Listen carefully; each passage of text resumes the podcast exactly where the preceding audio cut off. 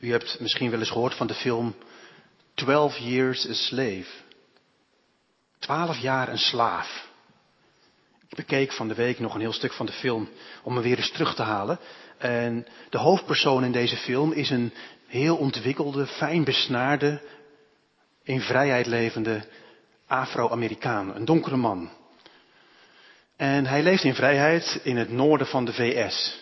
Het is nog voor de burgeroorlog. Maar op een ongelukkige manier komt hij in handen van slavenhandelaars en die ontnemen hem zijn vrijheid en droppen hem in het zuiden van de VS, waar slavernij nog heel gewoon is. En hij verliest zijn vrijheid en leidt twaalf jaar het dramatische bestaan van een zwarte slaaf in het zuiden van Amerika. En er knakt iets in hem. En je kunt het je voorstellen. Het is wreed, het is bruut, het is onbarmhartig wat hij meemaakt. Niet alleen zelf, maar ook om zich heen ziet hij kinderen, vrouwen lijden, vernederd worden. En hij, hij kan er niet tegen. Hij, was, hij was vrij. En hij weet wat leven is. Hij heeft een lieve vrouw thuis. Hij is alles kwijt. Er knakt iets in hem. En je denkt, dit is een aflopende zaak. Die man die gaat dood. Maar dan is er een andere slaaf die de adem, laatste adem uitblaast. En tijdens de begrafenis van die andere wordt er een lied ingezet. Een Negro spiritual. Een lied van hoop. Roll, Jordan, roll. En dat lied doet iets met Salomon. We gaan even naar dat fragment kijken in die film. Kijk even mee.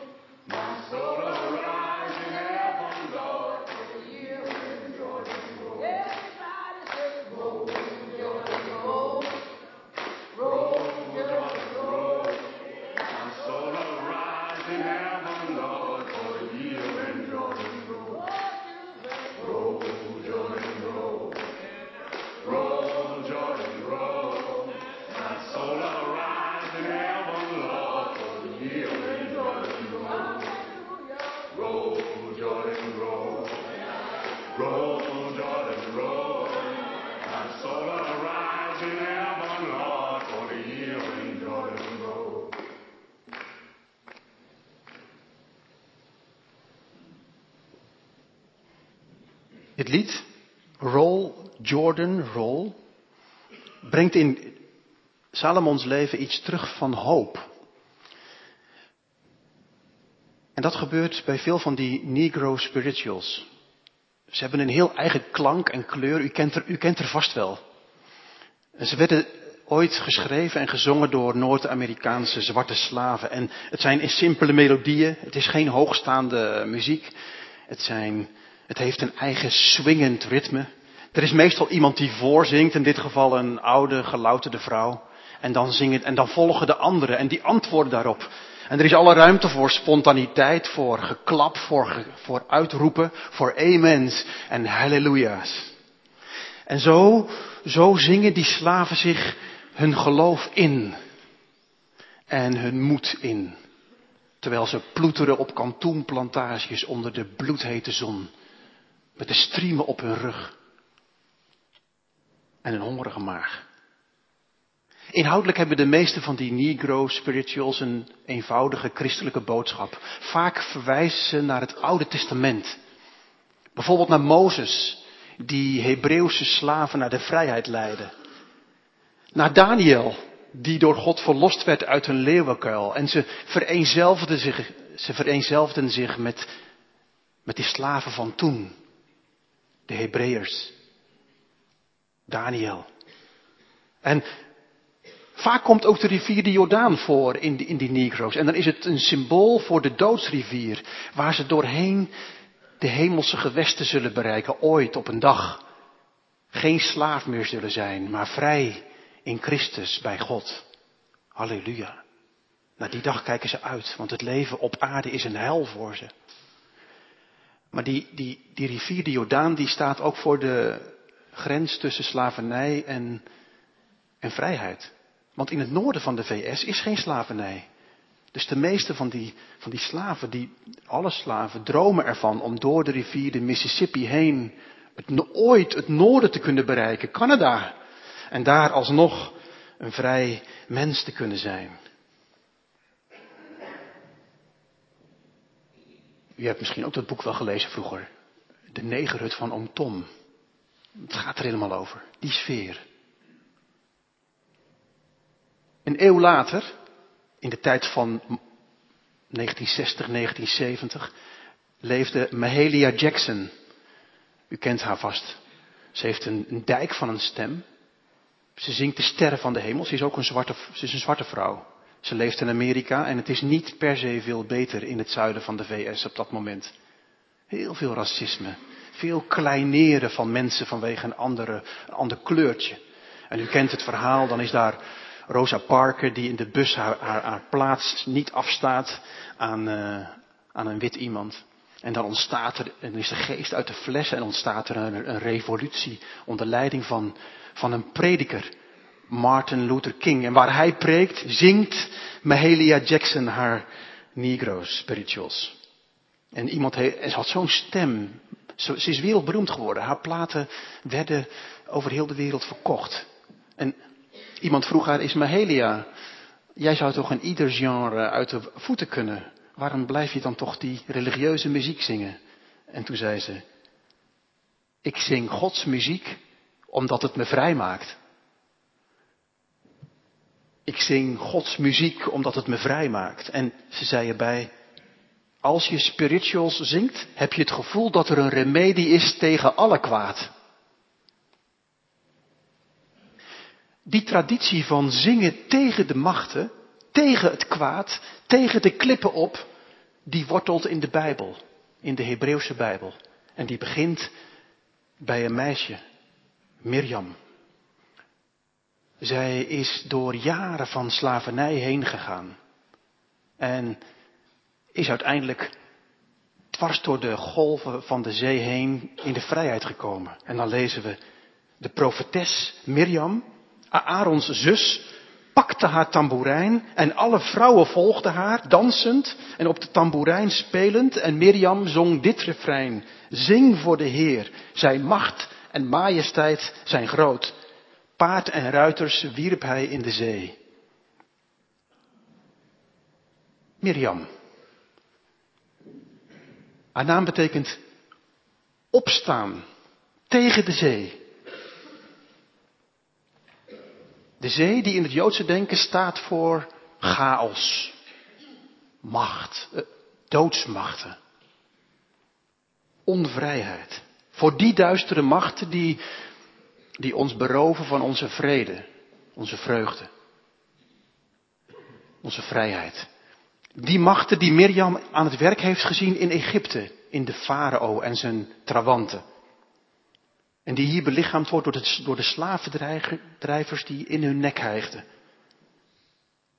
En Mirjam zingt en danst tegen de machten. En je leest er haast overheen, maar er staat, en ze pakte haar tamboerijn. En je denkt, huh? Waar komt die zo snel vandaan? Helemaal niet vanzelfsprekend dat als je hals over de kop Egypte moet verlaten met een klein beetje van je hebben en houden, dat je dan je tamboerijn meeneemt. En niet één, maar ze deelt ze uit. En er is een heel tamboerijn dansgroep. Alle vrouwen volgden haar, dansend en op de tamboerijn spelend. Mirjam leidt hier een vrouwenbeweging. Een aanbiddingsbeweging onder Hebreeuwse vrouwen. En ze heeft dat in, midden in de slavernij al voorbereid. Terwijl iedereen eh, eh, zucht en zwoegt onder, onder het juk van de slavernij, is er Mirjam de profetes. Betekent Mirjam de vrouw die door de dingen heen kan kijken. En terwijl iedereen nog slavernij ervaart, ziet zij al wat God aan het doen is. En, en ze maakt tamboerijnen. Ze regelt tamboerijnen. Er waren ook Egyptische instrumenten in die tijd. Ze regelt dat er tamboerijnen in bezit komen van Hebreeuwse vrouwen en ze oefent danspasjes in.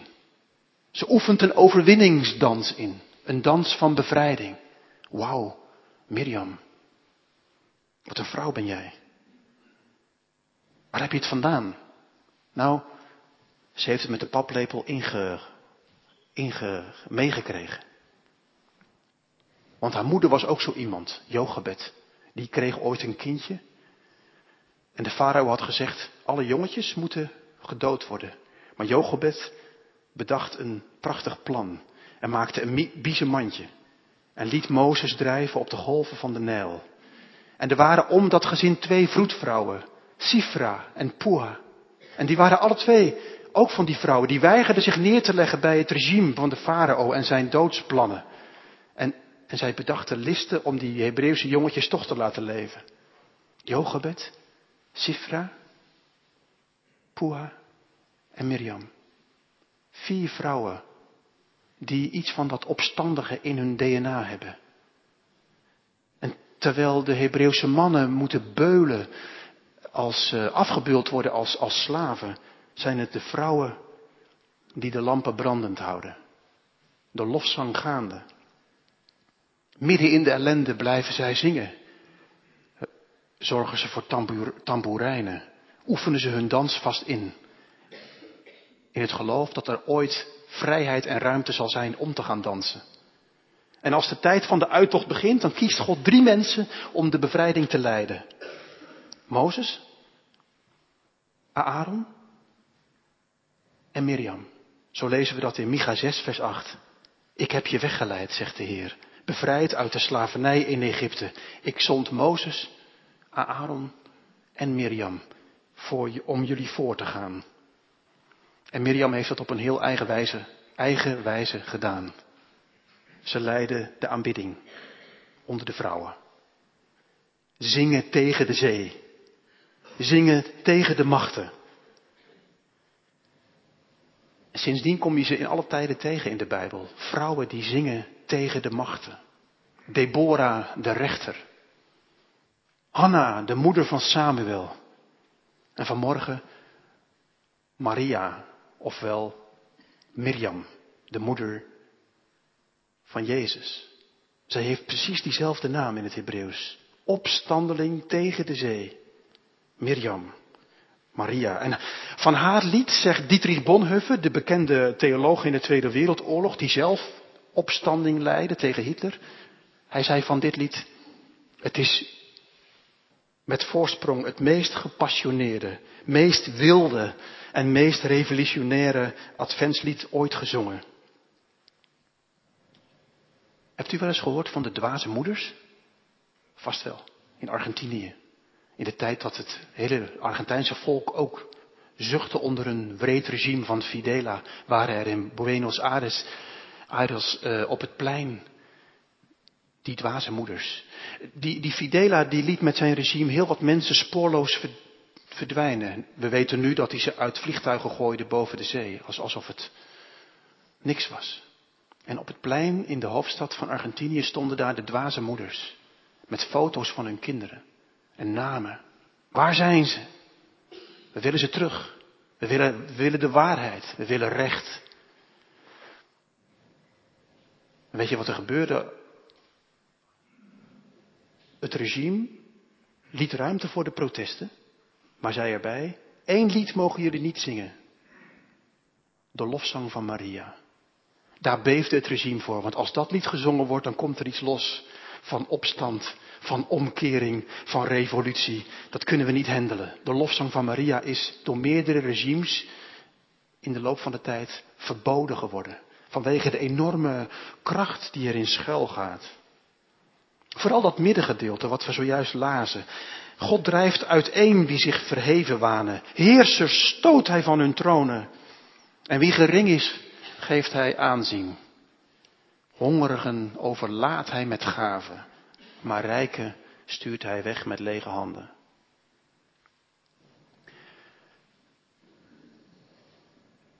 Was van de week bij een gemeentelid en ze liet me in haar studiebijbel zien dat het de lofzang van Maria één collage is van bijbelteksten uit het Oude Testament.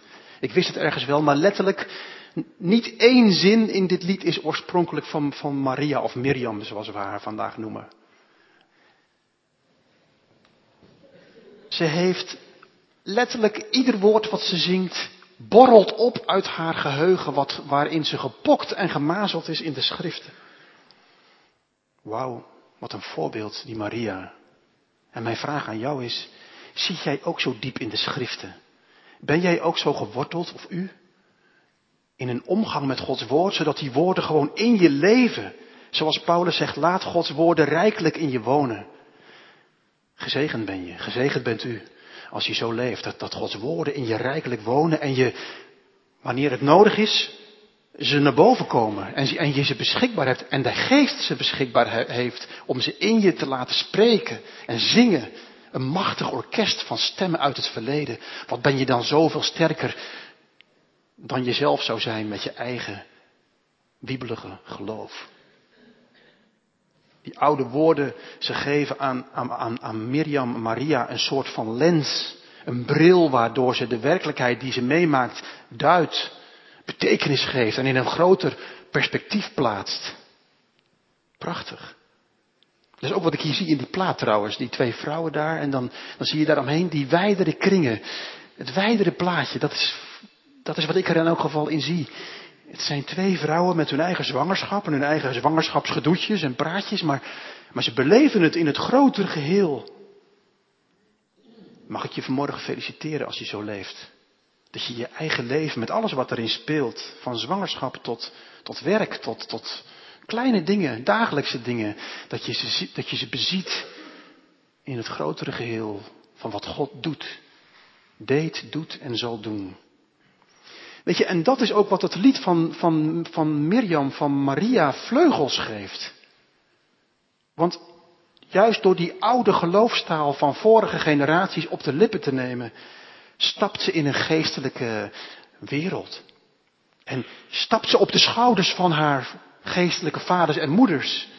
En En put ze uit een soort collectief geheugen, waardoor er in haar iets beschikbaar komt van de gehoorzaamheid van de aartsvaders en moeders. Van de passie van de profeten en profetessen van alle tijden. Abraham, Isaac, Jacob, Sarah, Rebecca, Rachel, Mirjam, Deborah. Het klinkt allemaal door. Hanna zeker, dat lied lijkt zo op haar lied hier. En Maria die, die voelt dat, want haar lied begint nog bij haar eigen kleine leven. En ze zegt geprezen zij God die naar mij heeft omgezien. Maar al snel begint ze te zingen over generaties. En over, en over wat God al belooft aan Abraham. En ziet ze haar kleine levenstijd als een stukje van een veel langer verhaal. Wat beleef je je leven dan anders als je, als je bedenkt en gelooft dat je deel bent van een traditie, van een gemeenschap van heiligen. Dat is ook hoe die slaven dat beleefd hebben. Ik zat ooit op een jongerenkoor in Dordrecht en daar zongen we een Negro spiritual in ons repertoire. Ik ben hem nooit meer vergeten, hij gaat heel mijn leven al met me mee. En soms komt hij even boven, zoals afgelopen week.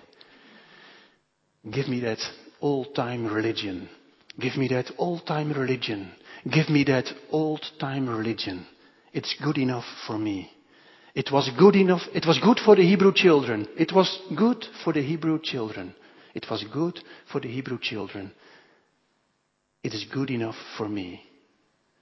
Wat goed was voor de Hebreeuwse slaven. Wat goed was voor de Afro-Amerikaanse slaven. Wat goed was voor Mahalia Jackson is ook goed voor mij. Het is dus niet zomaar een braaf, vroom gedichtje wat Maria zingt. Niet een feel-good deuntje, waar het vooral gaat om je eigen fijne gevoel.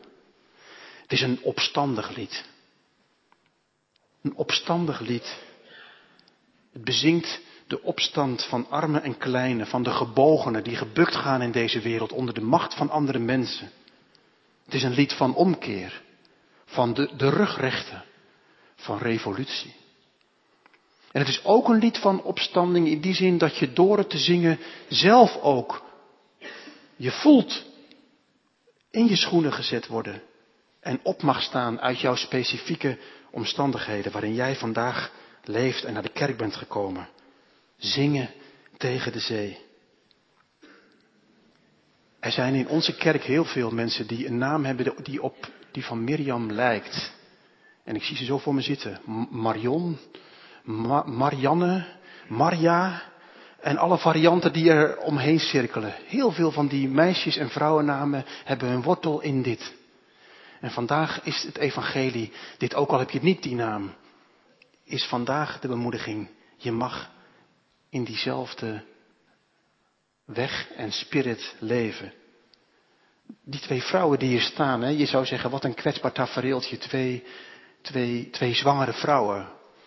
Wat is kwetsbaarder dan dat? Het is nog zo pril. En het is een oude vrouw die het al lang had opgegeven, die alsnog zwanger is. Maar hoe zal het gaan op haar hoge leeftijd? Het is een jong meisje die nog niet eens getrouwd is en, en de, schaam, de schande en de schaamte al over haar leven voelt komen. Want hoe legt ze dit uit? En ze zingen dit lied en ze zingen het ook ja, met een, door het te zingen, zingen ze niet alleen erover, maar ze zingen zichzelf erin. Want, want zij zullen alle twee een zoon gaan in de armen houden, een kindje, waarvan ze zullen gaan merken dat ze het al heel vroeg moeten loslaten. Johannes de Doper gaat de woestijn in. Jezus gaat rond, is op twaalfjarige leeftijd al meer met de dingen van zijn vader bezig dan met timmeren. En ze zullen alle twee hun zoon vroeg zien sterven. Leven voor het koninkrijk. Een offer brengen. En Maria, van haar weten we dat ze daar was op Golgotha. Ze stond daar, terwijl haar zoon aan het kruis hing. Maar ze is erbij gebleven. En ze was er bij de opstanding. En ze was er ook op Pinkster. Daar wordt haar naam met specifiek genoemd. Maria, de moeder van Jezus, was in die zaal toen de geest uitgestort werd. En ze werd in die eerste gemeente een geestelijke moeder voor zeer velen. En heeft gezien hoe het evangelie inderdaad alles op zijn kop heeft gezet. En vrijen en slaven bij elkaar heeft gebracht uit alle volken. Beste vrienden, de boodschap van vanmorgen is dit. Kijk nog eens naar die plaat. En zie de kwetsbare kracht. Kwetsbare kracht. Dit worden geen barricadespringers. Dit worden geen activisten. Dit zijn zwangere vrouwen. Met een onverwoestbare kracht die in hen schuilgaat. En het is die kracht waar we vorige, vorige week van zagen dat, dat de kracht is van de Allerhoogste die hen overschaduwt. Die hen vervult en die het in hen laat zingen. En, en oude woorden tot leven wekt. En ik heb vandaag een vraag aan jou en aan mezelf en aan u. Dit specifieke lied van opstanding, klinkt, dat nog in je leven? Klinkt dit lied in je leven? Er zal vast muziek zijn in je leven, ik hoop het. Maar klinkt dit ook? Dit lied van hoop en opstanding? Of of moeten we misschien zeggen dat we een manier van leven hebben ontwikkeld, zo murf gemaakt door alle slecht nieuws die dagelijks over ons heen spoelt, dat dat, dat lied van opstanding verdwenen is, gestorven in ons en we ons al te snel neerleggen bij hoe het nu eenmaal is in deze wereld en in mijn leven? Zijn we zo woestdruk met het najagen van onze eigen belangen en doelen, dat we de gebogenen in deze wereld niet eens meer zien Laat staan er iets bij voelen. En nu weet ik wel, straks bij de koffie zult u misschien zeggen, ja, maar je kunt ook niet het leed van de hele wereld op je nemen. Maar mijn vraag is deze, ook aan mezelf. Ziet u dan die ene gebogene die uw pad kruist? Of is, het, is er ergens iets toegeschroeid en, en dicht gegaan? Klinkt dit lied nog?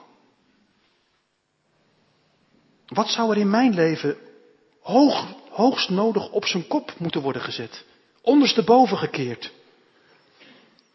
Wie of wat in mijn leven wordt al te lang weggedrukt en verdient het om opgeheven te worden? Wat zit er toch scheef in uw bestaan, wat rechtgezet mag gaan worden? Ja, waar zit de gebogene in jezelf die te lang is neergedrukt? Onvrij.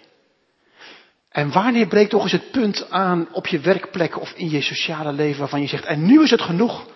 En nu is het genoeg. En nu sta ik op.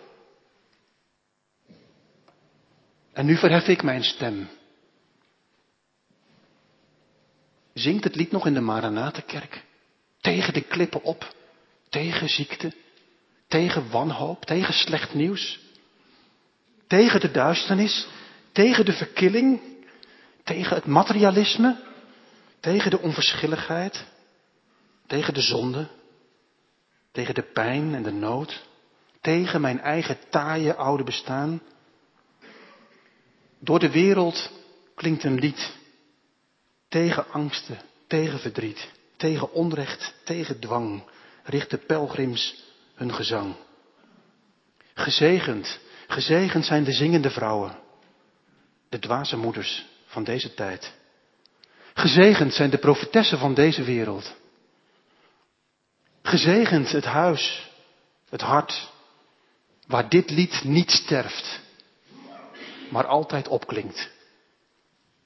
Elke dag opnieuw. Amen.